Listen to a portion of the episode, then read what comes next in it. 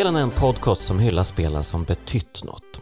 Vare sig det handlar om banbrytande gameplay-innovationer, nya narrativa nivåer eller estetiska genombrott så har alla kulturella verk som avhandlas i podden öppnat upp nya filer på den ettor och nollor drivna autobahn vi kallar spelmediet. Jag heter Jonas Högberg och idag välkomnar jag tillbaka till podden Eira A. Ekre. Tackar! Hej, hur är läget? Men det är bra. Jag har rusat hit från jobbet så jag är lite svettig. Men, eh, ja. ja, precis. Eh, du fick ingen rast, ingen ro här Nej. och var direkt in i poddstolen verkligen. Precis. Um, ja, men uh, apropå uh, jobb så kan vi ju kanske börja ta upp det att du uh, har börjat på ett nytt jobb. Ja, men senast jag var här så var jag tvungen att vara lite så här mysterisk kring, för jag satt precis och höll på att signa.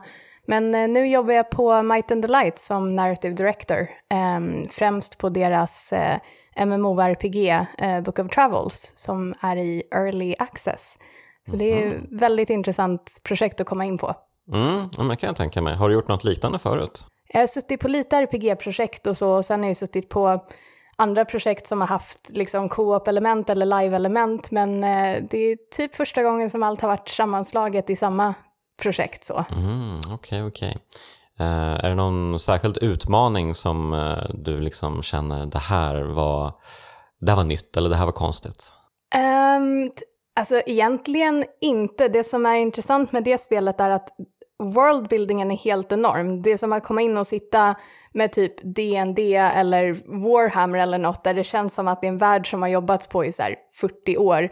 Men spelet just nu kanske visar 5-10% av det.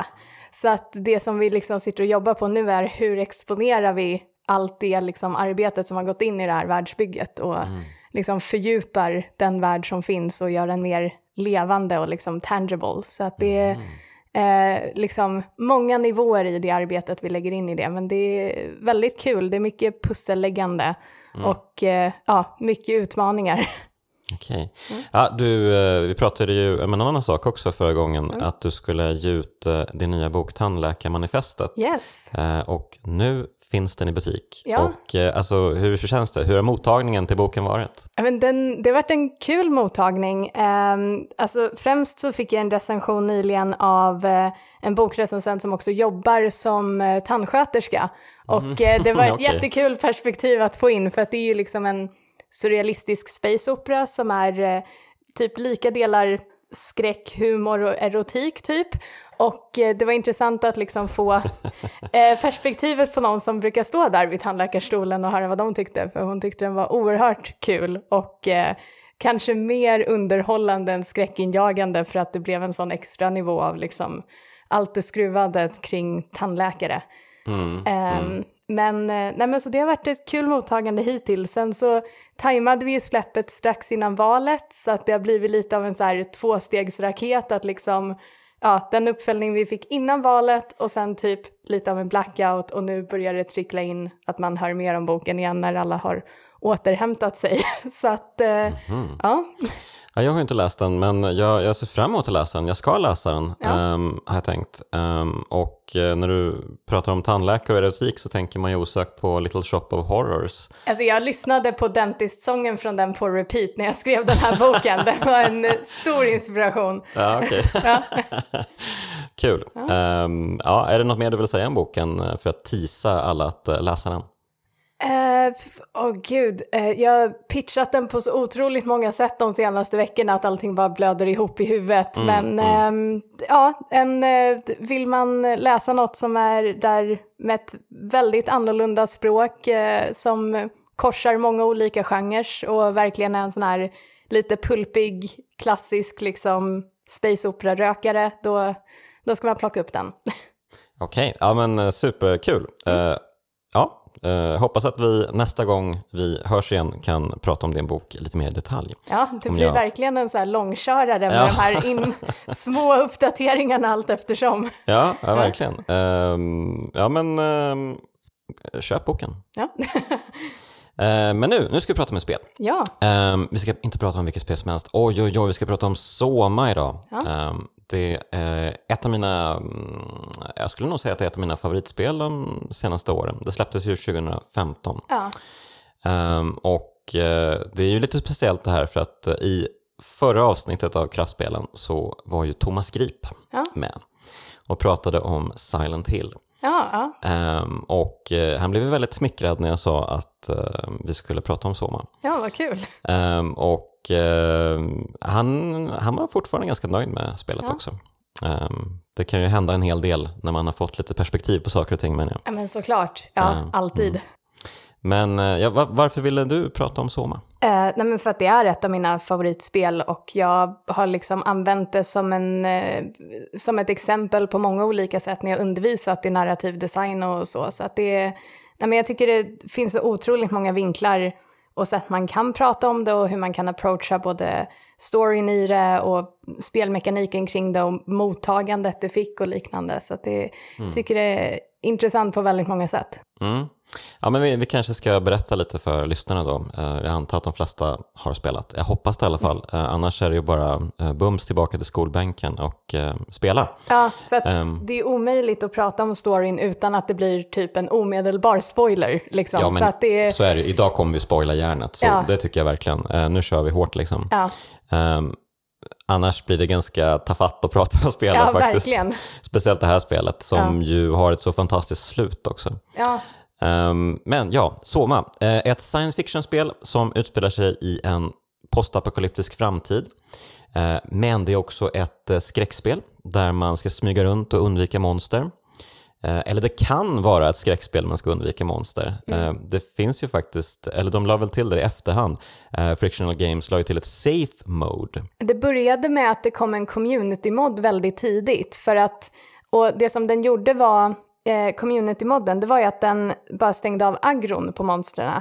Så att de finns fortfarande där och det blir som en ambians av att de har en presence, men de kommer inte attackera dig. Vilket också ledde till att folk faktiskt kunde gå upp och studera monstren som faktiskt har en väldigt intrikat design som kopplar till varje level story. Ehm, och sen så tror jag att det ledde till att det här safe mode kom ut. För att det var ju något som många kommenterar på, att de är så här, jag blir så distraherad av att de här monstren hela tiden dödar mig så jag kan inte fokusera på storyn liksom. Ja, men stundtals är det ju ganska svårt eh, det här Ja. spelet. Eh, Vissa sekvenser är ju väldigt frustrerande. Jag spelade ju om det nu och eh, körde inte på safe mode. Ehm, så att eh, ja, jag, fastnade lite på en eller två sekvenser, men det, det, det, det tar vi när vi kommer dit. Ja. Eh, ja, men alltså spelet börjar ju då ehm, i nutid, alltså när spelet släpptes då, 2015, ehm, i Toronto. Eh, och vi följer då spelets huvudperson, Simon Jarrett. Ehm, och han har precis varit med om en brutal bilkrasch. Ja. Han har fått svåra hjärnskador och eh, mycket tyder på att han inte kommer att bli särskilt långlivad. Ehm, Nej, precis. Det är väl han har återkommande blödningar och så, så att de, Mm. han går med på någon experimentell hjärnskanning. Just det. Mm. Ehm, och så här, ja men typ, what's the worst that could happen? Ja, men... ja, kul att du säger det. För jorden har gått under. Grattis! Men för det är det som är så elegant med öppningen, att det liksom börjar i den här väldigt moderna världen, vilket då ska man också tänka på att det är ju typ Amnesia som de släppte innan, som verkligen var det här eh, ja, men lite så här Lovecraftianska spelet, du går liksom runt i en, ja, men ett väldigt så här ruggigt gotiskt mansion, och när du liksom då börjar spela det här spelet som bara öppnar i Kanada och i normal värld så, är det så här, känns det som en sån culture shock när man är van vid ja, men, hur ett frictional game-spel ser ut. Ehm, och sen just att ja, men, du bara, Simon går till kontoret, liksom, han snackar med läkarna, han sätter sig i den här stolen och bara, det är som vilken så här, medicinsk procedur som helst, de pratar lite lugnande eh, och så bara fälls det ner någon hjälm över huvudet på honom och så skannar de och så sen så får han liksom inget svar och sen så tar han av sig hjälmen och sen är han på en undervattensbas och som är så här rossig och eh, har ingen kontext för vad som hände däremellan. Ja, det är ju fantastiskt. Det är en otroligt bra inledning. Ja. Ehm, Man, man, eh, det är ju perfekt, alltså det är nästan det perfekta mysteriet. Ja. Eh, Man var en helt vanlig tjomme. Helt plötsligt, jaha, vänta nu här, Eh, vad var det som hände? Jag hoppade in i den här maskinen och eh, nu befinner jag mig hundra år typ in i framtiden. En komet har förstört jordens yta Och det som antagligen är liksom resterna av mänskligheten finns på den här undervattensbasen på eh, botten av Atlanten. Ja. Och, eh, ja, och det, det vet man ju inte när man vaknar upp såklart, eh, som Nej, du, utan- du är inne på. Man, man har ju noll koll verkligen. Nej, och det är det som jag tycker är så otroligt snyggt med den här gradvisa eh, upplevelsen av att bygga en uppfattning om sig själv och just hur det positionerar både spelaren och Simon i väldigt samma position. För att när du liksom börjar gå omkring, det är liksom bara väldigt tomt. Det är inte som att det är monster överallt med en gång. Eh, utan han, så här, han tittar på sin spegelbild och det ser ut som honom. Men sen successivt när hans kropp börjar göra saker som inte är helt mänskliga så börjar liksom hur han uppfattar sina människohänder förändras. Hur han ser sin spegelbild förändras. Och den liksom gradvisa insikten av Nej, jag som Simon i Toronto kan inte ha färdats hundra år in i framtiden i den mänskliga kropp jag hade då. Vad är implikationerna av det här? Och just den liksom, jag vet inte om det är en timme gameplay eller om det är mindre, men den där liksom, när du, han bara successivt börjar liksom, ja, den här självbilden skiftar. Och eh, sen så börjar man ju prata med, heter hon Catherine? Mm, Catherine, precis. Ehm, så man får ju någon så här, ja men typ radiokontakt med någon som jobbar på basen och som börjar ge en kontext kring vad som har hänt, var man är eh, och liksom den första twisten som egentligen inte är en twist men det känns som det både för Simon och en själv är ju att han, hans consciousness eller hans liksom hjärnskanning är i en så här, lite organisk eh, robotliknande grej. Det är väl rätt mycket köttmassa inkört i typ en dykardräkt eller något som... Ja, eh, det är ju en, det är ju en person, det har ju varit en Ja, person. just det. Ja, Ehm, det är ju en av Catherines eh, bästa vänner till och med, tror jag det ja, Ehm, jag tror hon heter Imogen till och med. ja. Ehm, och hon har ju dött som så många andra på den här undervattensbasen. ja. Det är inte mycket som, som återstår även av de här eh, resterna av mänskligheten. Ehm, så att, eh, nej men eh, precis, det får man reda på ganska, ja, kanske halvvägs in i spelet.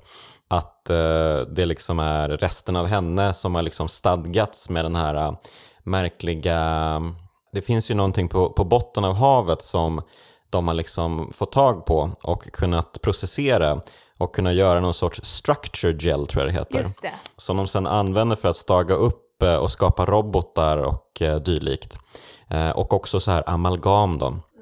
Så, så Simon är väl egentligen någon sorts cyborg kan man väl säga då. Ja, En, liksom hälften människa, hälften robot inkörd i en dykardräkt. ja, Ehm, ja, men, men precis som du säger, han, han förstår ju inte det till en början. När han tittar på sig själv så ser han ju mänskliga händer för att, eh, jag tror att man är inne på det också, att eh, hjärnan pallar inte Nej. det här, att, att förstå det här. Så att istället så ljuger hjärnan för Simon. ja, Och det är ju, det är ju fantastiskt. Det, och det är så himla många fantastiskt fina eh, så stora frågor som döljer sig i det här spelet. ja. Om just eh, medvetandet och eh, eh, vad det liksom eh, vad det betyder att vara vid medvetande. Eller, och, och hur och vilka olika faser man kan vara av medvetande. Jag vet inte, det, det är så mycket att prata om. Mm. Eh, men eh, ja, alltså, och, och, tidigt så stöter man ju på eh, robotar som pratar som människor. ja. Och de, till en början då så vet man ju inte att man själv är, är konstig. Ehm, och stöter på de här konstiga robotarna som man typ drar ur proppen på för att man måste liksom, det är lite olika pussel. ehm, för att kunna liksom omstrukturera eh, så att strömmen går till dörrar och sånt ja. så måste man dra ur proppen på robotar. Ehm, och eh, då dör de och eh, det låter som människor. Ehm, och det blir väldigt så här suspekt och konstigt och märkligt och ruggigt liksom. Har jag dödat en människa? Var det en människa? Det såg ut som en robot. Ja, och sen det som ska understrykas är att robotarna är liksom inte i humanoida eh, liksom robotformer heller, utan det är ju ver- inte på nivån att så här, en brödrost pratar med dig, men nästan. Det är liksom inte robotar som ser ut som människor, så att det, du liksom pratar med något som väldigt tydligt skulle fylla en annan funktion i det här liksom industriella landskapet, som tilltalar dig som om det vore mänskligt. Och sen är jag för mig att det är i vissa situationer att man inte alltid behöver dra ur proppen på dem. Det är Nej. inte alltid som det är ett pussel, det. utan det är också upp till dig. Liksom. Mm, mm. Och de där första interaktionerna, så den första är ju nästan lite så humoristisk i hur han pratar med dig. Så att det nästan så här vaggar in en i en känsla av att ja, men, det här är inte ett så enormt eh, etiskt val jag fattar just nu med vad jag Ja, gör med ja, den här ja. roboten. Det skulle vara som att typ stänga av Siri på telefonen eller någonting. Just det, just det. Och så blir det ju den här gradvisa, återigen, att man börjar se en större kontext av okej, men om jag är en mänsklig skanning som har vaknat i en annan kropp och känner mig som en full människa, Mm. Vad är implikationerna med alla de här Ja. brödrostarna som Precis, pratar med mig? precis. Liksom. Precis, ja, exakt. Man börjar liksom gå igenom alla val man tidigare har gjort. Bara, vänta nu, vad var det egentligen jag gjorde mot den här stackars roboten Ja. där tidigare? Liksom, när jag bara, ja, det här var ju väl typ ett, eh, en funny gag liksom, Ja. eller något sånt. Ehm, så absolut. Eh, man, man stöter ju ganska tidigt på eh, en robot som heter Carl. Och det är väl den första liksom så här um, emotionella riktiga liksom um, encountern. Um, eftersom när man söker runt i omgivningen så hittar man ju Karls människokropp också. just det. Han ligger ju död där. Och eh, Simon verkar ju ha en förmåga att, eh, att höra folks dödsögonblick också. Just det. Så han kan typ emota um, dem när han hittar människokroppar eller döda personer. Ehm, och så hör han vad som hände med honom. Det var ett monster som kom och tog honom. Ja, Ehm, för ja, Det är också en grej, man tidigt så stöter man ju på de här patrullerande uh, monstren också då. Om man inte spelar safe mode, då, Exakt. då slipper man dem. Men ja, då står de väl bara typ rakt upp och ner och inte gör något? jag har eller? faktiskt bara kört med modden, jag har inte kört med safe mode, så Okej, jag, okej. vet Mm. in, jag vet liksom inte de intrikata skillnaderna däremellan. All right, men right. eh, ja, Ja, men eh, så eh, man, här bygger man ju verkligen lite pussel. Eh, För det som man veta lite från Karls kropp och sen så finns det datorterminaler som man ja, plockar lite information från. Och så kan man prata lite med den här roboten då, mm, som, vill, som vill att man ska hämta hjälp. Mm. Karl ser sig själv som människa, mm, precis som Simon fortfarande ser sig själv som människa vid det här läget. Då. Ehm, så, eh, och det tycker Simon är ganska konstigt. Det här är ju helt uppenbart liksom bara en liksom massa med eh, typ eh, datorterminaler och eh, sladdar och grejs. Liksom. ja, Ehm, du, du är helt uppenbart en, en robot. Eh, hur, hur kan du tro att du är en människa? ja, Ehm, och eh, sen finns det ju en ganska brutal grej man kan göra här om man slår på strömmen så kan man ju nästan fritera eh, Karl. ja, just det. Ehm, men jag tror inte man behöver göra det. Nej, Eh. det är återigen de där grejerna där det bara är ett option och just Mm. den liksom påverkan man har på världen omkring sig. Mm, mm. Ehm, ja, och sen så förstår ju han då att eh, han är någonting annat än en människa när den här liksom basen han befinner sig i helt plötsligt eh, fylls med vatten. Ja, den sprängs på något sätt och eh, han vaknar upp igen, inser att eh, jaha, ja, här står jag i vattnet och ingen, det har inte hänt mig någonting. ja, Eh, och då börjar han inse liksom att eh, jaha ja, okej, eh, det här var kanske inga människoarmar direkt. Nej. Ehm, och så ser man ju se ut på en fantastisk eh, havspromenad Ja. på botten där. De har verkligen lyckats med eh, ehm, det estetiska, det är så himla vackert här nere. Ja. Eh, alla, det är så mycket a- härliga algformationer och alla byggnader som är helt, eh, allting är ju verkligen liksom, de, det ser ut som att det har stått här i hundra år nästan, de här byggnaderna. De är ju extremt neddekade och eh, rostiga som du sa. mm. Ehm, och eh, jag tycker att de, de, de slussar den så bra genom olika områden, Frictional Games. ja, men verkligen. Och jag menar, det, det är ett par havspromenader i spelet och det är fortfarande, i alla fall visuellt, några av de sekvenserna som jag kommer ihåg tydligast från första gången jag spelade det. Det är liksom både atmosfären som sätts av det, men också hur liksom, ja men så här, från ett rent designmässigt perspektiv, hur intuitiva de är att navigera. Eh, men också de olika atmosfärerna de sätter med liksom vad man stöter på och vad det är för tryckande känslor som byggs liksom medan man går runt där.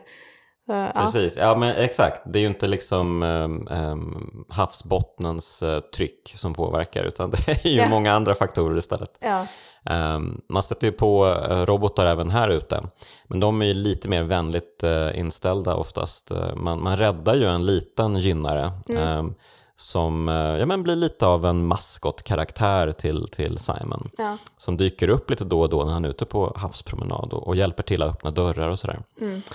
Ehm, men ja, så att han, han eh, trampar på, kommer in i en ny anläggning och eh, här träffar han Catherine då. Just det. Och eh, Catherine är ju också en robot. Det Ja. gör ju Simon extremt besviken.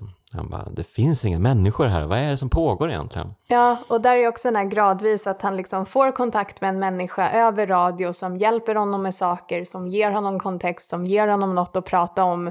Och sen är hon också bara en scan, scanning som är uppladdad någonstans.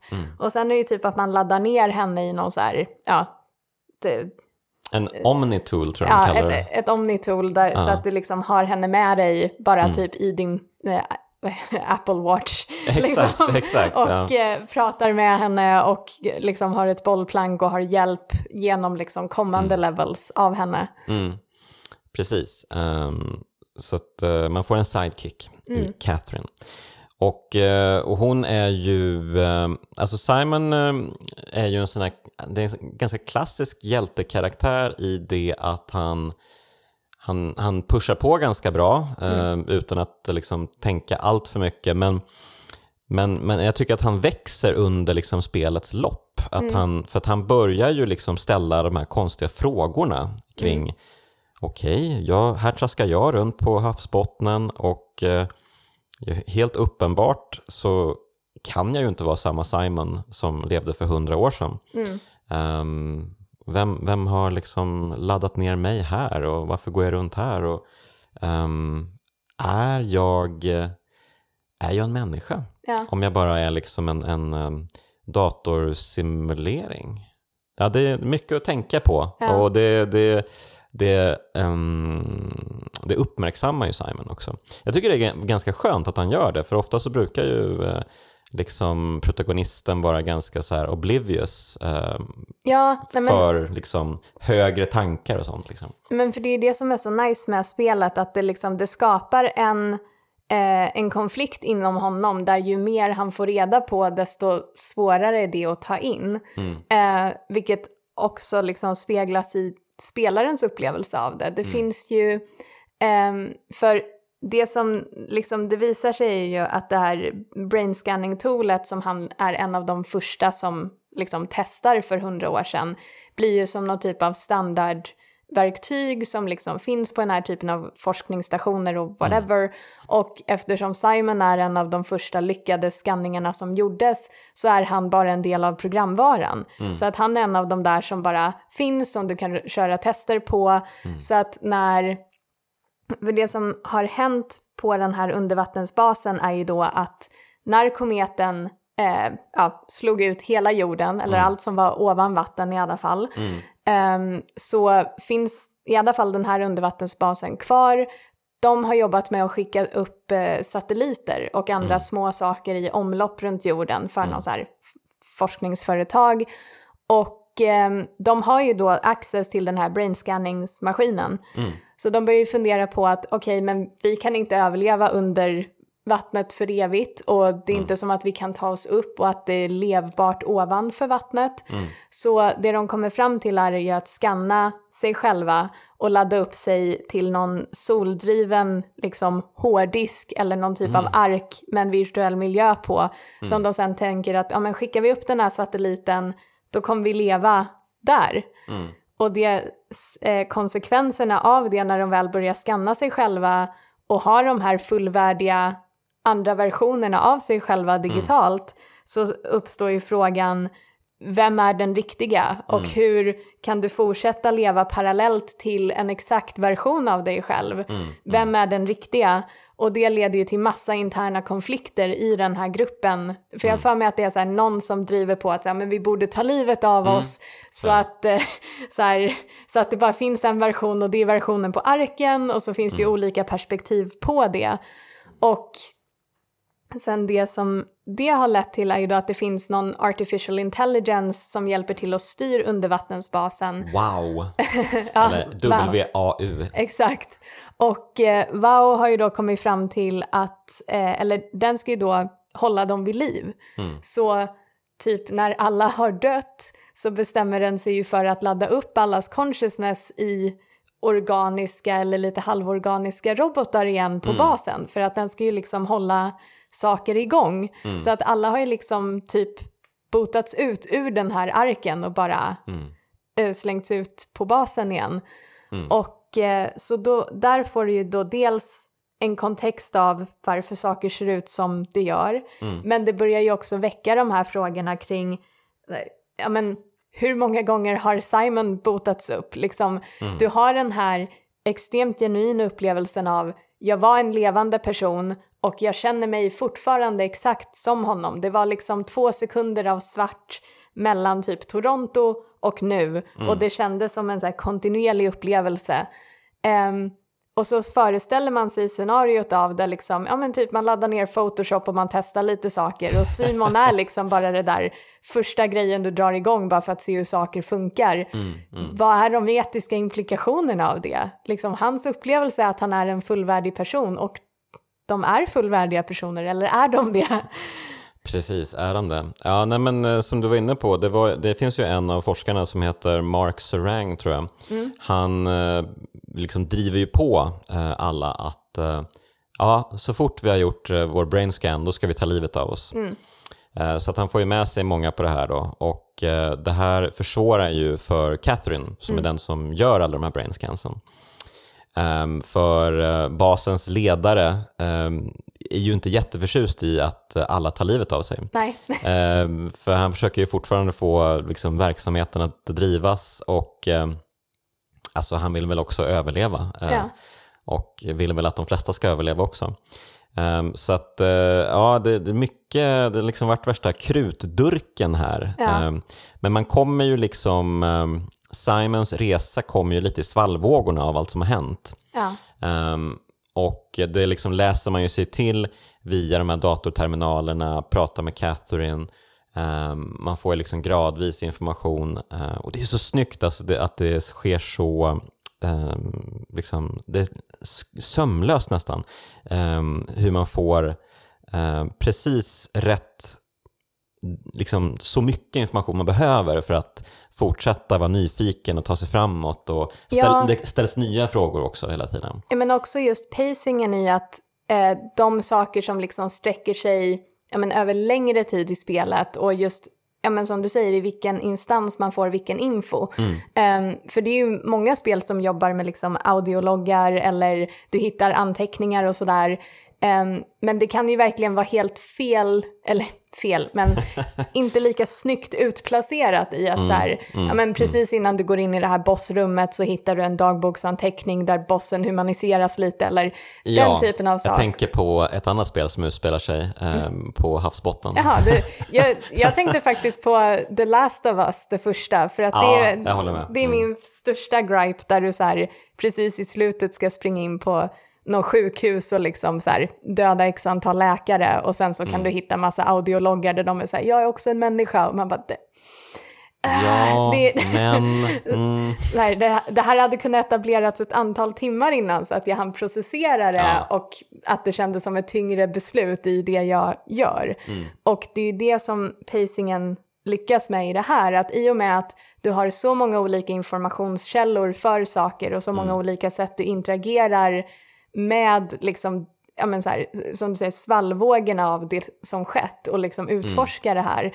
Och att det både vänds externt men också internt, för att du kan ju hitta eh, datorterminaler med alltså typ frågeformulär om eh, ja, men så här, hur du relaterar till din egen mänsklighet och typ till din personlighet som du då som Simon och som spelare fyller i. Och det blir en så här återkommande grej. Jag tror man stötte på dem ett par, tre gånger i alla fall. ja, i alla fall minst två gånger för man, man får ju ta del av det här formuläret tror jag när man, eh, om där man träffar Catherine, nej jag tror att det är senare när man kommer till Theta, alltså huvudbasen och eh, kommer till den här hjärnskanningsanläggningen. Eh, då, då finns formuläret där tror jag, man kan gå igenom det. Ja, Och sen så får man väl även... I eh, slutet I det. slutet. Ja. ja, precis, skriva det. så eh, ja. Men eh, jag måste säga det att eh, de, de är så, de berättar så snyggt ja, eh, till skillnad från vissa andra spel. Eh, eh, jag, jag älskar till exempel sättet de eh, bygger upp eh, Terry Akers som är en av de första typ skurkarna eh, kan man väl säga. Alltså ingen är väl egentligen skurk i det här spelet men, men för sakens skull då. Eh, Terry Akers är en person som eh, han, han driver en liten, liten anläggning eh, och eh, sen när man läser på i vissa så här loggar och sånt så inser man att eh, eh, alla har blivit tillbakakallade till huvudbasen för att nu måste vi liksom börja liksom konservera energi, vi kan inte ha allting up and running och sådär. Men han bara vägrar, Ja. han ska vara kvar där. Um, aha, okej. Och sen så kan man gå runt på den här lilla basen. Det, den är väldigt liten och det finns bara liksom några olika eh, små hus utplacerade. Mm. Eh, och allting är nästan utomhus också. Ehm, och det blir tydligt då att han har börjat nästan tillbe wow. Just Ehm, det. Att Ja. han ser wow som någon sorts eh, gud. Att han vill liksom bli, bli ett med wow. Mm. Han tycker ju att det här verkar vara en utmärkt grej att bli cyborg. Ehm, så att, eh, det, det är ju tydligt då att han har börjat liksom använda sig av den här structure gelen trots att han fortfarande lever Just det. ehm, och blir någon sorts muterat freak. Liksom. Så att då har han lurat dit sen när han blivit supergalen eh, så har han lurat dit andra till den här basen för att han vill ta sig till huvudbasen. Han vill få en farkost dit. Liksom. Så då kan man hitta lite kroppar lite utspridda som har blivit dödade av honom. Just det. Och eh, ja, men det, det är så snyggt hur man bygger upp det med, som du säger också, eh, många olika detaljer. Dels de här eh, loggarna i datorerna, dels de här att man kan höra dödsögonblick från folk ehm, och eh, dels liksom bara layouten för allting Mm. och eh, när man får informationen. Eh, för sen kommer man ju till den här eh, huvudbasen då och man vet ju att ja, okej, eh, Terry Akers har tagit sig dit och det verkar ha skett någon sjuk skit. Ehm, Och eh, först då får man utforska huvudbasen um, uppe vid ytan nästan. Ja. Ehm, och här är det ganska lugnt egentligen. De bygger upp um, stämningen så himla bra här tycker jag. Ja. Det här är nästan min, min favoritplats i spelet, uh, Theta, den här huvudbasen. Eh, för dels så får man ju hålla på med den här brain scanning-prylen. Ja. och det är ett sånt brutalt bra ögonblick här. Ja, alltså den du är, vet vad jag tänker ja, på. Den är, det, det är hemskt. Det sitter kvar jättelänge. Berätta. Nej men för ehm, då så, man behöver få, det är typ en nyckel eller en kod från Mm. en viss person. Mm. Och ehm, då har man access till eh, hans eh, hjärnskanning. Mm. Så du liksom botar upp det i ett digitalt rum och förhör honom. Mm. Men du måste liksom hitta vinkeln på hur du får honom att delge informationen. Ja. Och då så sitter du ju och itererar. Och så gör man mot honom det som förmodligen Simon har varit med om mycket, Mm. liksom som en hjärnskanning, att du bara startar om honom varje gång det går fel. Du Mm. eh, försöker liksom baserat på saker som Catherine vet om honom, saker du tar reda på via terminaler och liknande, bara skapa det här scenariot där Mm. han litar på dig tillräckligt länge för att liksom bara prata om det här Mm. han vet. Och det är ganska diaboliskt också för att eh, till slut så blir det så att Catherine eh, får um, impersonata hans flickvän tror jag det är. Ja, Ehm, för att det är bara henne han litar på. mm, Ehm, och då får hon liksom, ja men eh, du är liksom chockad efter att ha gjort den här brain scanning grejen. Eh, för till en början när man bootar upp honom så bootar man upp honom i, i mörker. ja, och då blir han ju livrädd och bara hjälp vad är det som händer, mamma! Och stressnivåerna bara skjuter i höjden och han kanske får en hjärtattack, oklart. mm, Ehm, och sen så bara, ja men vi måste nog uh, pyssla lite här.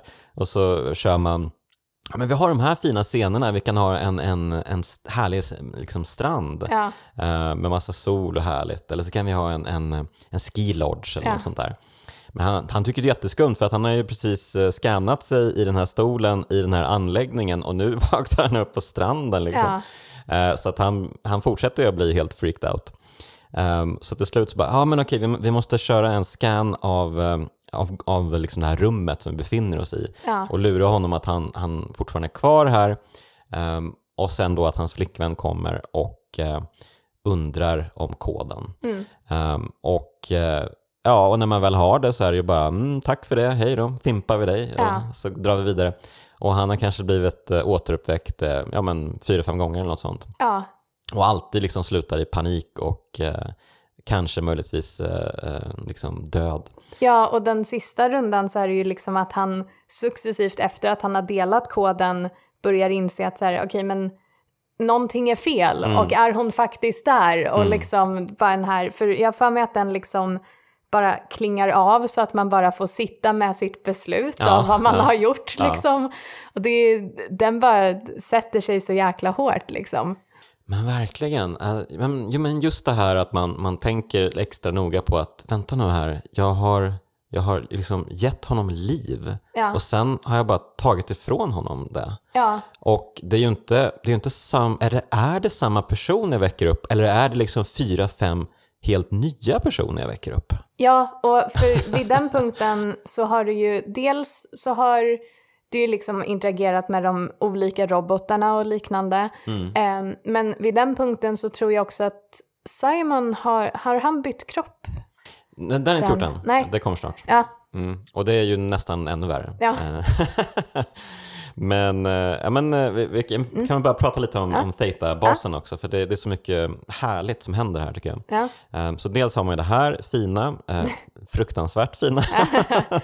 Eh, man går ju runt i deras liksom, em, lägenheter, alltså de har, alla har liksom en egen, ett eget rum här just också. Ja, Så man, man springer in i han, eh, Brandon heter han, den här killen som man väcker hela tiden upp, upp igen. Så man, man springer in på hans rum och så går man igenom allting och letar ja ah, okej, han, han verkade han verkar vara ihop med henne, ja men Mm. då, då kör vi det liksom. Eh, så man känner sig ju väldigt smutsig av allting, man, Ja. man känner sig verkligen som en riktig douchebag som gör allt det här. Ehm, och, eh, och så kan man liksom gå ner i motorrummet tror jag det är. Och, och där är det några fru- fruktansvärda monster som Mm. reagerar på att man tittar på dem. just det. Alla de här monstren reagerar på olika sätt, det är ju väldigt intressant. Mm. Ehm, men, men vissa monster då eh, ska man undvika att titta på, då klarar man sig ganska bra även om de går förbi. Liksom. Ja, Ehm, men man måste ju liksom veta var de befinner sig, så man måste ju liksom ta en liten glutt på, ja men nu är de där, oh, Ja. okej, titta på mig. Ehm, så att, ah, verkligen så här eh, hjärtpumpande spänning eh, Ja. när man går runt i motorrummet. Ehm, men och, tank, tanken med den här basen är att man ska hämta en, en ubåt. just det. För att man ska ju försöka ta sig ner till, eh, ja men det är som eh, Marianergraven kan man säga. Mm. Att man, man eh, befinner sig precis på kanten till en djuphavsgrav. Ehm, och det är nere i djuphavsgraven som dels den här satellitkanonen finns och dels den här arken då som Ja. de kan placera sig själva på. Så tanken är ju att placera den i kanonen och skjuta iväg. Men då måste de ju först ta sig ner i den här djuphavsgraven. Och eh, ja, den här ubåten, kanonval. Mm. Problemet är bara att Wow har utrustat ubåten med ett mänskligt medvetande. Så när man bootar upp den, då bootar man ju upp medvetandet som hamnar i total panik över att Just den det. befinner sig i en ubåt och bara kapsejsar skiten ur allting där liksom. Ja, Så ännu ett skitbra liksom, ögonblick. Mm. Ehm, och sen så bara, ja men fan vad ska jag göra nu? Jag måste ta mig, vi måste ta oss ut här på något sätt. Och då tar man ju sig ner i de nedre gångarna och där stöter man på Terry Akers. just det. Och det här är ju, det här är ju verkligen ren skräck alltså. Att eh, han jagar ju runt i korridorer och eh, så måste man ducka in i olika rum och Ja, Jag undvika har honom. och starka sådär. minnen av den eh, leveln. Ja, det är brutalt alltså. Det Ja. är riktigt brutalt. Och eh, det, de gör det så, eh, det är så perfekt eh, orkestrerat liksom. Så att eh, när man precis har hittat det här keycardet man behöver ehm, och fått clearance till hissen ehm, så står man där och liksom ska fippla med massa grejer. Ja, Dels så ska man liksom sätta i kortet och sen ska man liksom lägga ihop lite ledningar och sen ska man ehm, lägga liksom själva, vad säger man, så att det, liksom blir som en terminal helt enkelt. Man det. sätta för liksom, ehm, porten, den dörren där. Ehm, så det är mycket man fipplar och håller på med samtidigt som man hör honom i bakgrunden Ja. bara "Åh, jag kommer. Och sen till slut ah, kastar man sig in i hissen, trycker på eh, nästa våning och man bara, åh gud vad skönt. Mm. Nu är jag äntligen fri. Men när man kommer ner till nästa våning och går ut ur hissen och bara, jaha, vad ska jag göra här då? Och så går man till vänster för att det är liksom så spelet guidar en. Mm. Kommer man till en korridor och längst bort i korridoren så ser man ett trapphus. och eh, han kommer då nerkubbande som en galning, Terry Akers. Alltså det är, så, det är som Roadrunner han kommer ner springandes. Och man bara ah! Och det här är ju liksom skriptat att man inte kan komma undan honom. Ja. Utan man får ju se liksom en liten mellansekvens när man blir upphållen i, i, eh, i halsen av Ja. honom. Ehm, och sen så vaknar och sen får man en jättekonstig eh, vision när man är tillbaka i Toronto helt plötsligt. Mm. Ehm, och sen så försöker man ta sig ur den och så tar man sig ur de här liksom konstiga sladdgriset som har hänt. Eh, Wow har liksom eh, tagit över en. Mm. Men så lyckas man slita sig loss precis innan man blir en del av, ja, men en, en del av eh, basen, Ja. så att säga. Ehm, så att, ja, det är en fantastisk, fantastisk ehm, bana, Ja. uh, Theta. Det ska de ha stor cred för Frictional Games. Det här har de gjort helt lysande. Ja. Ehm, verkligen ett eh, helt fantastiskt eh, ögonblick från början till slut här Ja. inne. Ja, och sen så kommer man ju då, så tar man en ny liten havspromenad och då kommer man ju då till Base Omicron där man då det. ska göra det här bytet. Berätta. Men för då, ehm, nu är man ju precis på gränsen till att man ska ta sig ner i den här djuphavsgraven. Mm. Och ehm, Simon behöver helt enkelt byta kropp så att han kan typ överleva trycket där Mm, nere. mm. För att nu så är ju alternativet att ta en, är det att ta en hiss ner va? Eller? Ja, precis, den hiss som finns här. Ja. Men för att kunna ta hissen så behöver man ju en riktigt bra dykdräkt. Precis. Så att eh, då eh, är det lite pyssel med att ja, Mm. du, hitta sin nya kropp. Och man återigen, Catherine är med en hela tiden och guidar en genom det här. Och eh, sen till slut så sätter man upp sin transfer. Och liksom Simons uppfattning av det han ska göra nu är ju en transfer. Så han tänker att ja, men, den Simon som är i mitt huvud kommer bara föras över till den här andra kroppen och sen är jag i den kroppen. Och det är ju tekniskt sett vad som händer. Eh, men Simon i den andra kroppen är ju också där. Och nu finns det två av dem. Och när, så du liksom, det återigen, du liksom inleder den här transferprocessen. Det blir svart ett litet tag. Och sen så hör du dig själv fråga varför funkade det inte? Catherine, här, jag är ju kvar liksom. Ja, Och eh, där så kan du ju då fatta ett beslut om eh, om du lämnar den tidigare Simon vid medvetande eller inte.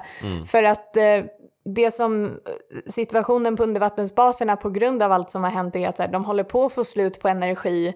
Det är inte som att liksom, ja, den Simon som finns där kommer ha särskilt mycket att göra. Ja, men också det att eh, skulle han vakna upp, eh, för jag tror, att, jag tror att Katrin säger att han kommer liksom sova typ ett par dagar nästan så länge liksom. Mm. Så om han skulle vakna upp sen och sen, alltså han skulle få panik, varför, varför Ja. är jag kvar här för? Varför har inte liksom den här transfern funkat? Var Mm. är Catherine någonstans?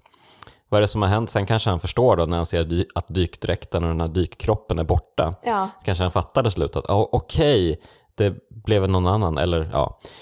Så då ska han ju, då har han ju absolut ingenting att leva för, för det Nej. finns ju typ ingen mat här.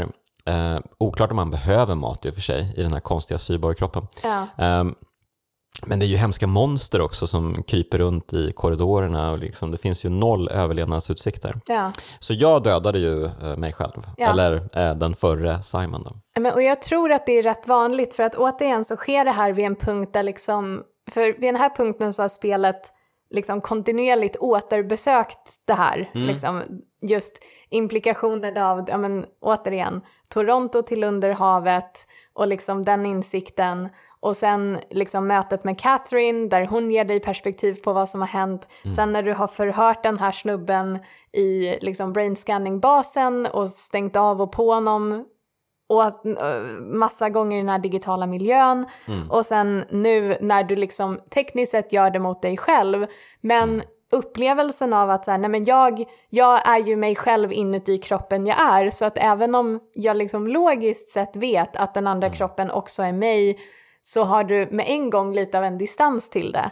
Så att det är liksom återigen att de hela tiden bygger mot den här liksom, men avslutet, vad ska man säga, på den här frågan de återbesöker igen och igen och igen. Mm, mm. Där du hela tiden får lite mer insikt och liksom, ja, vad ska jag säga, ett ännu större obehag.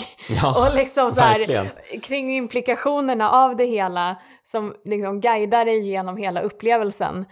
Eh, ja, Ja, nej, det, det är väldigt snyggt. Det är väldigt snyggt. Ehm, och eh, precis, man, jag drog ur proppen på min Simon. Um, life support eller någonting hade Ja. han. Ehm, så att, eh, och sen så stod jag och tittade på honom tills eh, han slutade andas. Och, eller ja, andas kanske han inte heller gör. Men eh, tills det blev svart i alla fall i Ja. dykardräkten. Liksom. Så att, eh, ja, det var en märklig upplevelse verkligen. Ja. Eh, det kändes eh, jätteskumt. För man, det är ju ett självmord man gör egentligen. Eller? och återigen, vad, vad räknas som vad? För att Eh, liksom, för, för det är ju verkligen det där, men det blir ju liksom en, eh, vad heter det, en brytpunkt där man blir separata individer men samma. Mm. Och ju längre du existerar som två av samma, desto mer varierade blir ju era upplevelser. Så, och har du rätten att fatta det beslutet om en annan version av dig själv? Mm. Och i Simons fall här så är det ju ändå att det är två fysiska versioner av honom. Mm. Ehm, och då är också frågan, är det skillnad på det bara för att de är nedladdade i ett fysiskt objekt? Mm. Eller så är det skillnad där jämte personen i datorn som du startade upp och stängde av Mm. många gånger? Eller så här, vart går gränserna för det här och finns det gränser? Ja, det är så mycket att tänka på. Alltså, wow, det här skulle man, uh, vi borde haft en filosof här nästan. Ja. Som kunde tagit det här vidare. Um, ja, superhäftigt. Uh, så man tar hissen ner då Mm. till um, den absoluta havsbottnen. Mm. Uh, det, är ju, det är ju inte Marianergraven, men det är nog inte så långt ifrån. Det är väldigt långt ner, uh, Ja. helt enkelt. Jag har starka minnen av hissfärden också. Mm.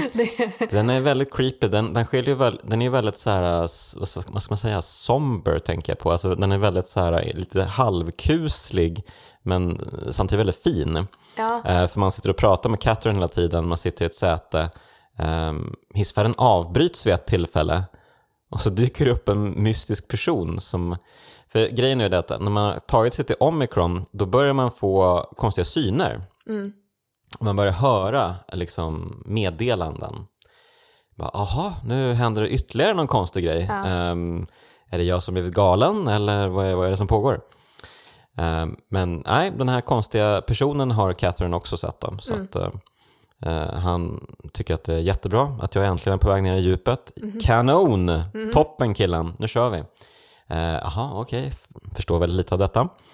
Eh, och man tar sig ner på havsbottnen och här är ju den absolut häftigaste havspromenaden. ja, För det är ju full storm! ja, Eh, det, är ju, det har skapats någon sjuk, um, sjuka vindar här nere på botten.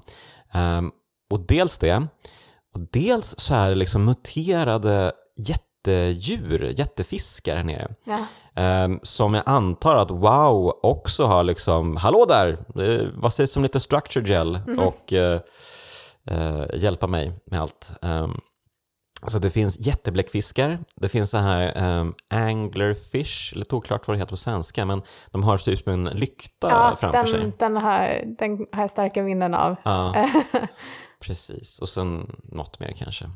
Eh, och eh, jaha, oh, creepy. Och så ska man då liksom följa en, eh, en, en väg som är upplyst med eh, lampor. Men ja, det, det kommer ju såklart, det, så man, man följer ju inte den slaviskt hela vägen utan lamporna är ju förstörda vid ett tillfälle så måste man ta sig in genom grottor med spindlar, undervattensspindlar. Just det. Ja. Konstigt. Ehm, och så får man bli guidad av en liten robot som har ett lyse som blir slukad av eh, någon av de här, eh, om det är The Kraken eller vad det nu är för någonting. Ehm, så det händer mycket roliga grejer här. Ja. Eh, det här är också en sån här eh, utmärkt regisserad upplevelse. Ehm, och sen till slut så kommer man ju till en bas då. Ehm, och eh, ja, mer monster väntar här såklart, men man får ju även då eh, lite nys om vad det är som har hänt här nere. För den, Mm. den här platsen har ju liksom varit lite frånskild från eh, platsen ovanför. precis. Och eh, det här är kanske det jag tycker sämst om i spelet. Mhm. Ehm, för här handlar det ju väldigt mycket om den här, den här figuren man såg på hissfärden ner. Det. Ehm, det är en forskare som heter Johan Ross. Och Johan Ross är den enda forskaren som har liksom interagerat med WoW. Mm. Som har varit WoWs tekniker kan man säga. Ehm, och WoW finns här nere i en speciell bas som ingen annan får liksom åtkomst till. Det är bara Johan Ross som har varit där. Ehm, men det har skett någonting, någon olycka eller någonting, så Johan Ross har dött. Eller han har blivit återuppväckt såklart av WoW. Men av oklar anledning så har han fått speciella krafter. Så att han har blivit som någon sorts, eh, som någon sorts X-Men-figur nästan. Alltså muterad eh, supermänniska nästan. Så att dels så kan han projicera tankar i mitt huvud ehm, och eh, dels så verkar han kunna röra sig fritt liksom ehm, hur som helst. Ehm, det känns lite nästan frånkopplat från vad eh, spelet är i övrigt känns det Ja, som. alltså det påminde mig, och nu är det tusen år sedan jag spelade Amnesia, men jag kommer ihåg att när jag spelade Soma för första gången så påminde det mig nästan lite om slutet på den, som också är just det här mötet med snubben som har experimenterat med liksom övernaturliga krafter och påverkats av dem och liknande. Och i den typen av gotisk setting så funkade det lite bättre. Galen vetenskapsman. Ja, och, och det är ändå så här att där, ehm, alltså, och det är en trope som man känner igen inom sci-fi också. Men här är det ju just att så här, i och med hur allting annat är strukturerat så känns det liksom nästan som en, ett genrebyte på något sätt. Alltså, det påminner mig jättemycket om filmen Sunshine, som jag egentligen tycker rätt mycket om. Som är ju det här, ja det är människor på ett skepp som ska så här släppa en bomb i solen för att försöka tända den igen för den håller på att slockna. Och första halvan är ju liksom en bara så här väldigt liksom återhållsam filosofisk film på det temat och med väldigt mycket så här eh, karaktärsinteraktioner och spänningar däremellan och, eh, och sen andra halvan blir liksom en så här slasherfilm i rymden typ. För att de råkar plocka upp en en snubbe från ett tidigare skepp som nästan nådde fram till solen men av oklar anledning inte nådde hela vägen fram. Och han har liksom upp, här, hittat någon intern religion kring, kring solen och liknande och sådär. Och man får lite samma känsla här där man är så att egentligen så är det liksom inte att den andra genren är dåligt genomförd. Det är Mm. mer att man har vaggats in så mycket i den första genren att det här liksom momentära bytet mellan genrer Ja. känns lite off liksom. Ja, men, men det är också... han har inte så mycket med det övriga att göra känns det som. Eh, för att han är så fokuserad på wow, den här killen. Vi Ja. måste stoppa wow. Ja, Och det har man ju inte tänkt någon gång typ under hela resan. nej. Um, aha, wow verkar vara ett stort hot. Ja visst, det är hon som har gjort alla de här monstren och så. Men det är ju mer ett resultat av hennes uh, ursprungs eh, kod liksom att eh, hon måste försöka rädda människorna. Det är ju bara ett resultat av det. Ja. Man ser ju inte henne som en stor fara för mänskligheten. Visst, mänskligheten kommer kanske i viss mån att leva kvar i de här robotformerna. Ehm, och det kanske är hemskt, vad vet jag, men det är inte tillräckligt för att jag ska liksom bry mig om det här bara helt hux flux. Att bara, nu måste du stoppa wow, hallå där! Ja. Hon är ju eh, fruktansvärd, eller hen eller vad vi ska kalla det. Det, är ju eh, det är en självklarhet. Uh, bara, Nej, jag vet inte. Och sen så är det ju också sådana här klassiker att det är bara du som kan stoppa wow. För att du, när du eh, hoppade i den här dykdräkten så använder du den typen av structure gel som jag designade som ett gift för att stoppa wow. Jaha, okej. ehm, mhm, okej. Så att eh, nu när du kommer fram till kärnan så ska du liksom stoppa in din, din hand i henne, låta henne käka upp din arm. Men Ehm, för det, det hör ju till att det är ett återkommande om hur du öppnar dörrar Mm. i spelet. Att, och det är också en så här, eh, alltså väldigt snyggt på så många sätt för att du liksom sticker in din arm i den här obehagliga halvorganiska geggan Och du egentligen bara litar på att det har samma effekt varje gång för att du liksom ser din arm försvinna in där. Man och, helar sig också. Ja, så det är liksom, det är en, och det är ju liksom egentligen en snygg, eh, alltså så här, hur det är paceat också, att det är den här saken du utför igen och igen och igen och associerar med viss, liksom, vissa funktioner och nu så tar det en ny form. Eh, men det är lite som det vi pratade tidigare om, liksom vilka delar av temat som är så snyggt liksom genom allting. Att så här, det etableras över en eh, längre tid. Eh, och problemet med den här forskaren är ju att liksom, du inte riktigt har samma upplevelse med honom som du har med liksom, andra karaktärer som du successivt lär känna och liksom, relatera till. Och eh, det finns ju liksom, medan det finns eh, i många av frågeställningarna kring vilka delar av det här som är skräck och liksom i bara upplevelsen av det här. Flera av dig existerar och vem är du och skanningen och så. Och implikationen av att bara att boota upp någon är potentiellt ett övergrepp. Vart är den personens agency? I det så får du ju in skräcken av vad den här Wow har gjort.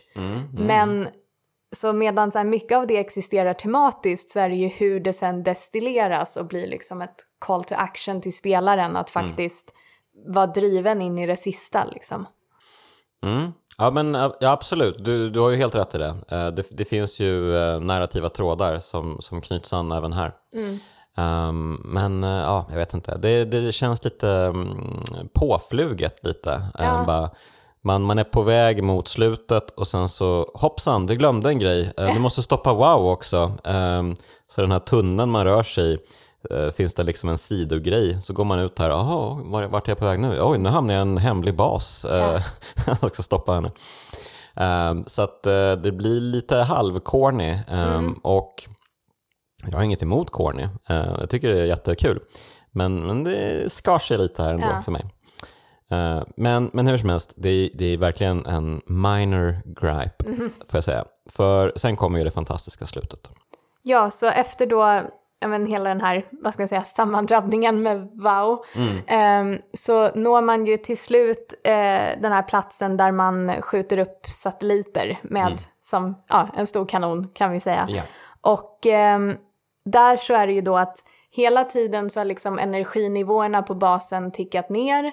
Eh, det finns liksom inte jättemycket att så här, när du aktiverar den här kanonen och skjuter iväg, då är det liksom inte som att den här undervattensbasen kommer ha energi att hålla igång med för evigt efter det.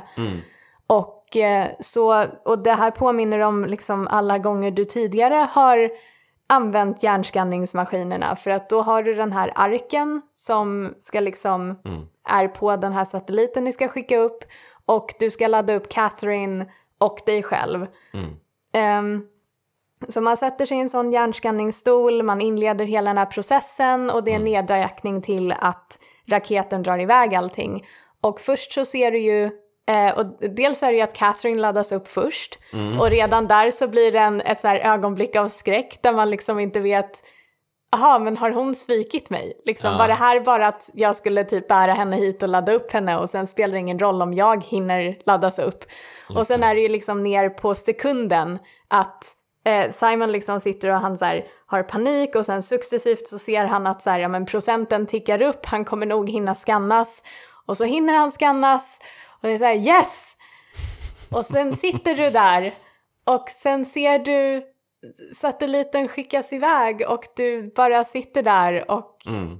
eh, och återigen så är han bara lämnad med men, men funkade det inte? Men vad hände? Och liksom bara den så här, eh, och det är liksom voice actingen och allting, hur han liksom bara går in i liksom bara ilska och börjar svära åt Catherine och liknande som inte är där, såklart. Ehm, Ja, men hon är där. Ja, just det. Och hon så här pratar igenom ett tag. Och sen är det ju att, De blir arga på varandra. Ja. Ehm, hon... eh, just det, för att hon för är att- så här, men vi har ju gjort det här. Du vet ju vad det här är. Liksom. Precis, hon, är, hon blir väldigt irriterad på honom för att han inte fattat, trots att han redan gjort det här en gång tidigare. Liksom, eh, så har han inte fattat vad det här liksom innebär. Ja. Eh, så hon tycker att han är korkad och eh, blir också upprörd.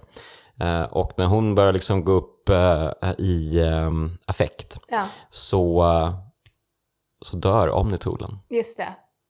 Så dör Catherine, Ja. eller den Catherine dör. Ja, Och då blir ju Simon ännu mer eh, skräckslagen. ja, Bara, nej vänta, lämna mig inte! ja, Va, vad gör du? Lämna mig inte! Jag, jag är ensam kvar nu! ja. Eh, och då släcks allt ner också Ja. i fabriken. Och Vilket jävla slut alltså! Ja, och, eh, och sen så kommer man ju till den andra delen av slutet där Mm. Det tickar ner och, eh, och sen så är Simon i arken Mm. och den, det är en fantastisk virtuell miljö. Mm. Han var så här yes, det funkade! Ja. Han går runt och liksom ser sig omkring. Eh, han hittar det här eh, frågeformuläret Mm. med hur, hur han känner sig som person och Ja. allt. Och eh, sen så ser han typ en silhuett i horisonten som kanske är Catherine och så slutar det. Mm. Och alltså, det är så otroligt snyggt gjort liksom. mm. Och hur det bo- för att så här, ja, men hur de bara konsekvent liksom itererar på de här samma frågorna Mm. och liksom egentligen inte svarar på det men samtidigt lämnas man med att det har bearbetats tillräckligt så att man Mm. känner att så här, nej, men det här är ett jätterewarding slut på liksom vad verkligen. spelet försöker göra.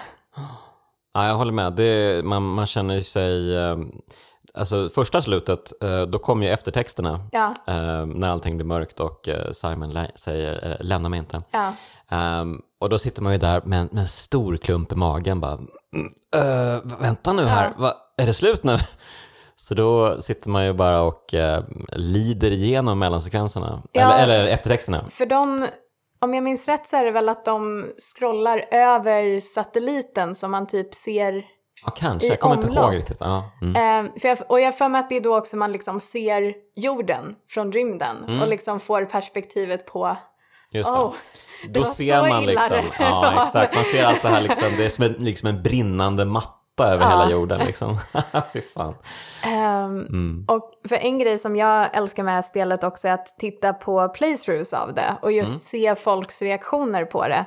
Eh, en som jag kommer ihåg från när spelet var hyfsat nytt, jag tror det är han som heter Markiplier, Mhm, ehm, mm. där det är verkligen en av sekvens, jag tror det är en av havspromenaderna där han liksom går fram och pratar med robotar och sen stänger av dem och typ sitter och gråter medan han gör det för att det är liksom No. så jobbigt med implikationen av vad han gör.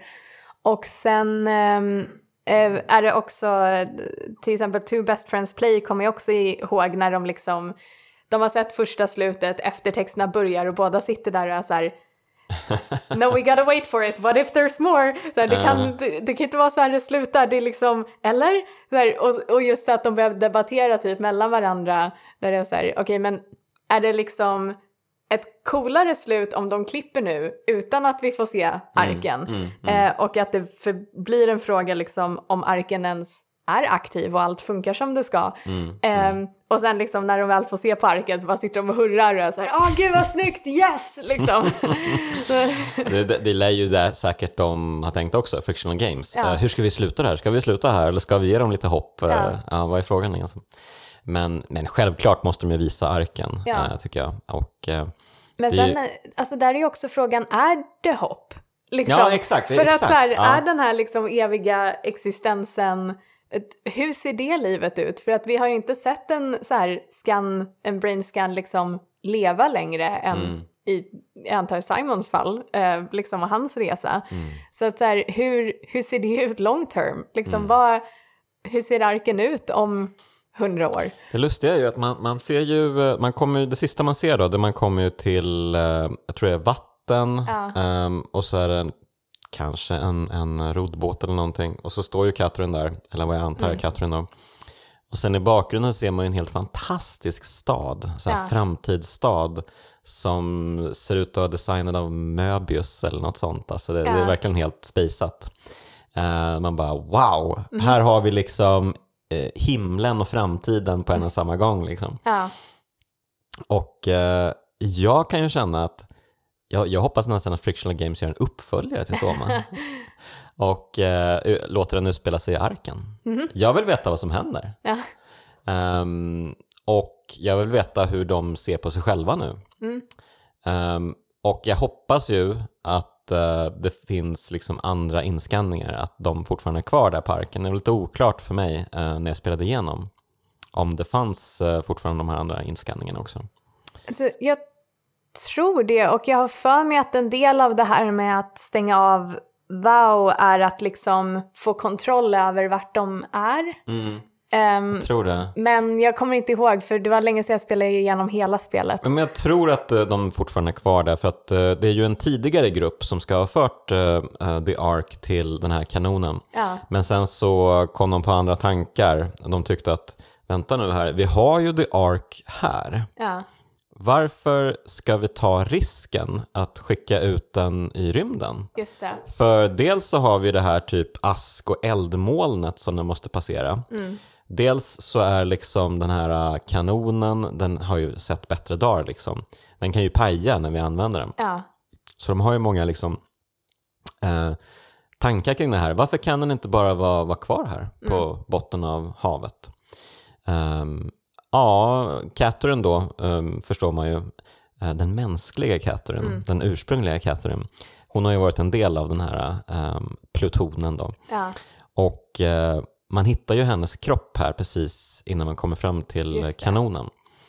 Ehm, och då kan man emota med henne och så får man veta då att de grälade mm, om ja men vi tycker att det inte är värt risken att skicka upp den. ja, Om vi har kvar den här då vet vi att eh, ja, The Ark är ju här ehm, och ja, då måste ju det innebära att alla brainscansen är på The Ark också. mm, men hon eh, är ju liksom fast besluten att nej, alltså allt det här kommer ju, kommer ju liksom dö ganska snart. ja, Allting kommer fyllas med vatten.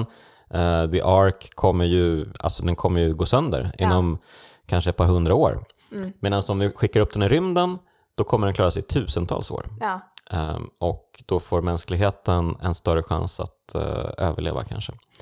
Eller hur de nu ser på saken. Hoppas, Ja. de, hoppas de att The Ark ska bli upplockad av en annan eh, liksom, civilisation till slut? Eller vad, vad är Men för, tanken? ja, men för det är alla de frågorna som uppstår också just med det här att liksom, ja men bara för att man får se den här virtuella miljön på arken Mm. så är inte det i närheten av liksom ett lyckligt slut utan det lämnar ju bara med fler frågor just att, ja men vad, så här, hur ser det här samhället ut? Mm, liksom, vad, vad kommer det här leda till och just vad är förhoppningen sen? Är, Mm. är det det här som är mänskligheten nu Mm. och att det handlar mer om att så här, nej men det, den lilla liksom, eh, så här, det lilla som fanns kvar Mm. lever vidare, typ. Men, ja.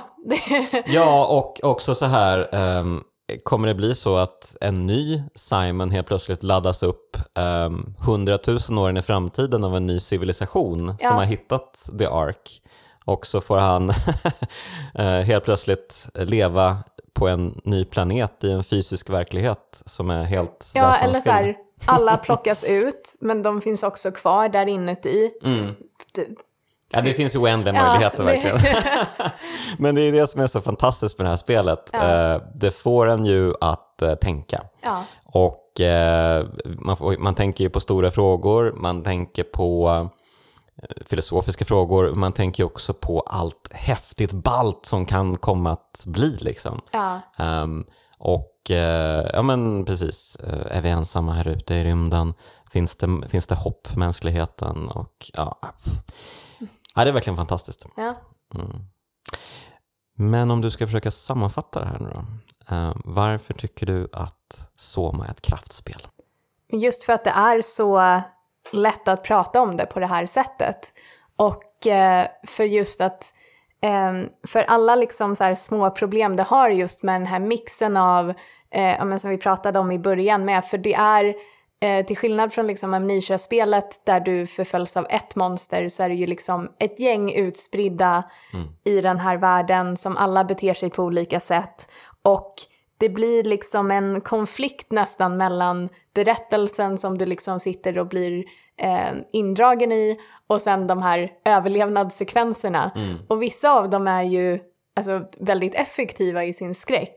Men återigen så distraherar det nästan från den här liksom fantastiska berättelsen de har lyckats skapa Mm. och just hur de har hittat en sån fantastisk nivå av eh, ja, men, interaktiviteten i det och hur du Mm. själv driver den vidare och de liksom aktiva val du hela tiden fattar som bara knyter ihop alla teman och frågor som spelet ställer. Mm. Och det är just det, hur liksom elegant det är uppbyggt och som sagt pacingen i det, både hur berättelsen hänger ihop med liksom gameplay och hela den här core-upplevelsen av det. Så ja, därför. Mm. mm. Ja, jag kan bara säga att jag håller med om allt. Och eh, bra jobbat Frictional Games. Ja, verkligen. Hatten av. Hatten av för det första svenska spelet att avhandlas i Kraftspelen. ja, coolt. Yes. Eh, ja, men tack så mycket Eira för att du var med i Kraftspelen igen. Ja, tack, det var kul att vara tillbaks. Och eh, ett stort tack till dig som har lyssnat och även ett stort tack till de finfina pojkarna i Bitpopbandet 047 som gör musiken. Ja, och här kommer den, vilket innebär att vi, vi hörs igen nästa vecka.